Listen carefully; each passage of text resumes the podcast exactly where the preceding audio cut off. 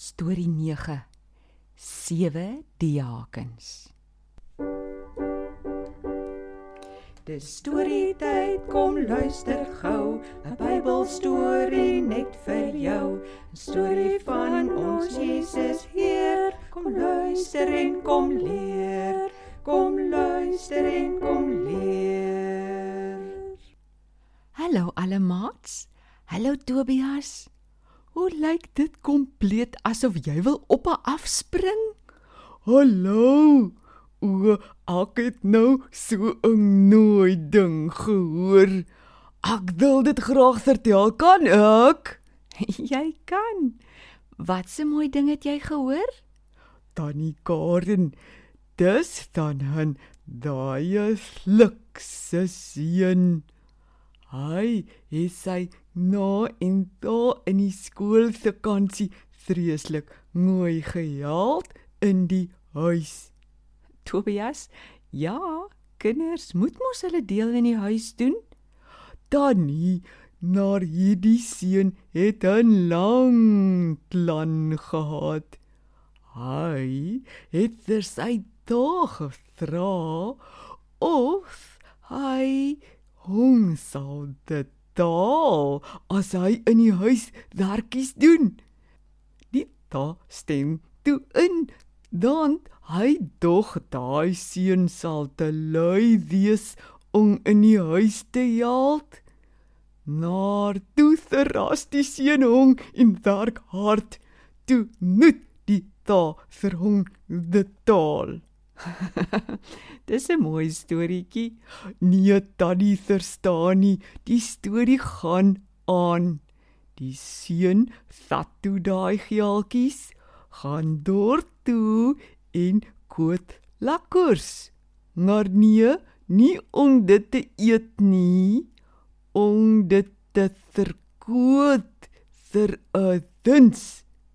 Toe sy daar vra, "Hoekom hy dit doen?" sê hy, dat hy wil geld maak om vir kinders sokkies en skoene te koop dat nou kaal soet is. Sjoe, Tobias. amper wil ek nou huil van lekker kry oor jou mooi storie. Dis wonderlik. My hart voel sommer so lekker warm oor wat die seun gedoen het. Weet jy dat die kerk nie net vir mense moet vertel van Jesus nie. As daar mense is wat nie kos of klere het nie, wil Jesus graag hê ons moet vir daai mense help. Hoi, net soos daai seun gemaak het. Net so. Hy verstaan iets van kerk.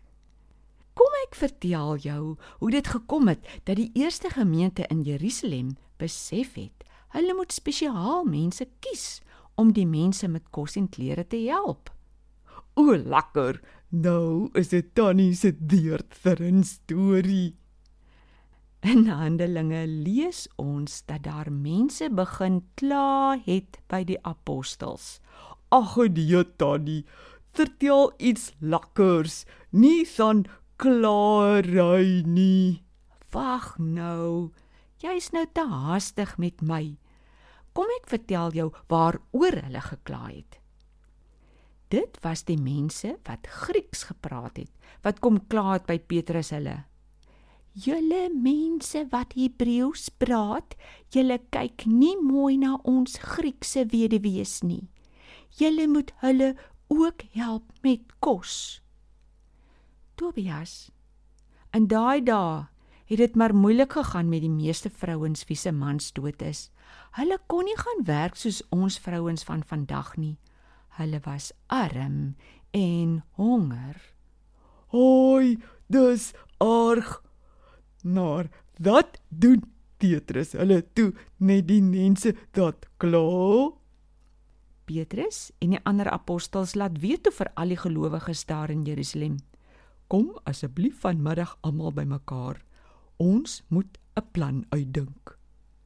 By die vergadering sê Petrus hulle: "Julle, die Grieke praat die waarheid. Die Griekse weduwees moet ook kos kry. Maar ons 12 kan nie dit ook nog doen nie. Ons moet eerder vir mense vertel van Jesus. Ons het nou so gedink.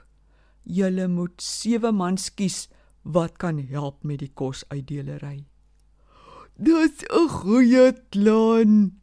Dan kon die apostels meer tyd hê vir dit en om vir mense van Jesus te leer. Huh? Dis presies wat die apostels gesê het. Ja. Nou, hoe het hulle geweet wie om te kies? Danny? Ooh, die apostels het vir hulle gehelp en gesê: "Kies sewe manne by wie jy kan sien die Heilige Gees is in hulle. Hulle moet slim wees, maar nie mense se slim nie. Die Here se slim. Ons noem daai slim wysheid." O, wonderlik! Kry hulle toe sulke nanne tussen hulle?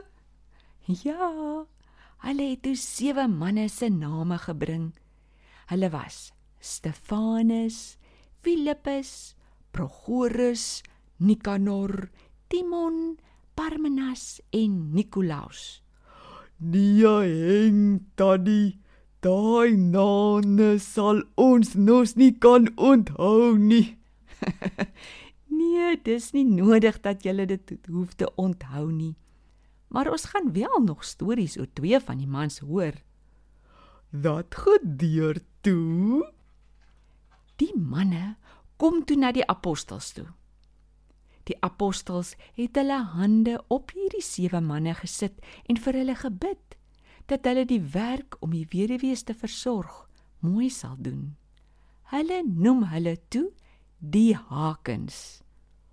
Dit was nou vir jou 'n goeie plan om die Hakens te kies.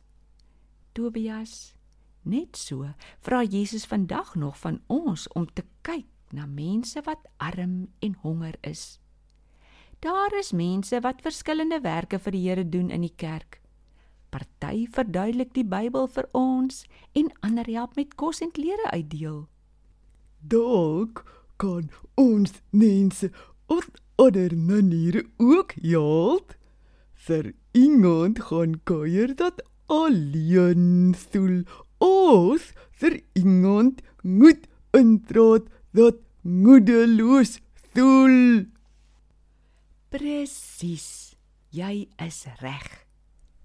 Jesus is baie bly as ons iets vir iemand anders doen, net soos daai seun gedoen het van wie jy ons vertel het. En weet jy wat? Die gemeente daar in Jerusalem het al groter en groter en groter geword. Tot 'n klomp priesters het ook kinders van God geword. Dis wonderlik, fantasties. As elkeen sy werkie in die kerk doen, dan is mense bly oor Jesus.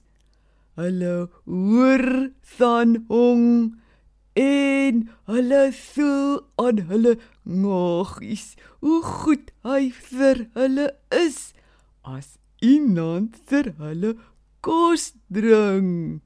Mooi gesê Tobias. Miskien kan ons die maats vra om hierdie week te kyk vir wie hulle kan help. Miskien 'n ou tannie wat sal hou van 'n kuiertjie. Of dalk sommer vir mamma of pappa help in die huis. Nie vir geld nie, maar dat hulle kan bly wees en vir God prys daaroor. Ja, ja. Nots. Through Jesus om vir julle te wys vir wie jy kan help. So werk jy dan ook vir Jesus al draat jy nie eers dan hong nie. Wonderlik. Tot sins notes. Ek groet ook eers. Ek wens ek kan die stories hoor wat hierdie week by ons maat se huise gaan gebeur. Tot sins almal.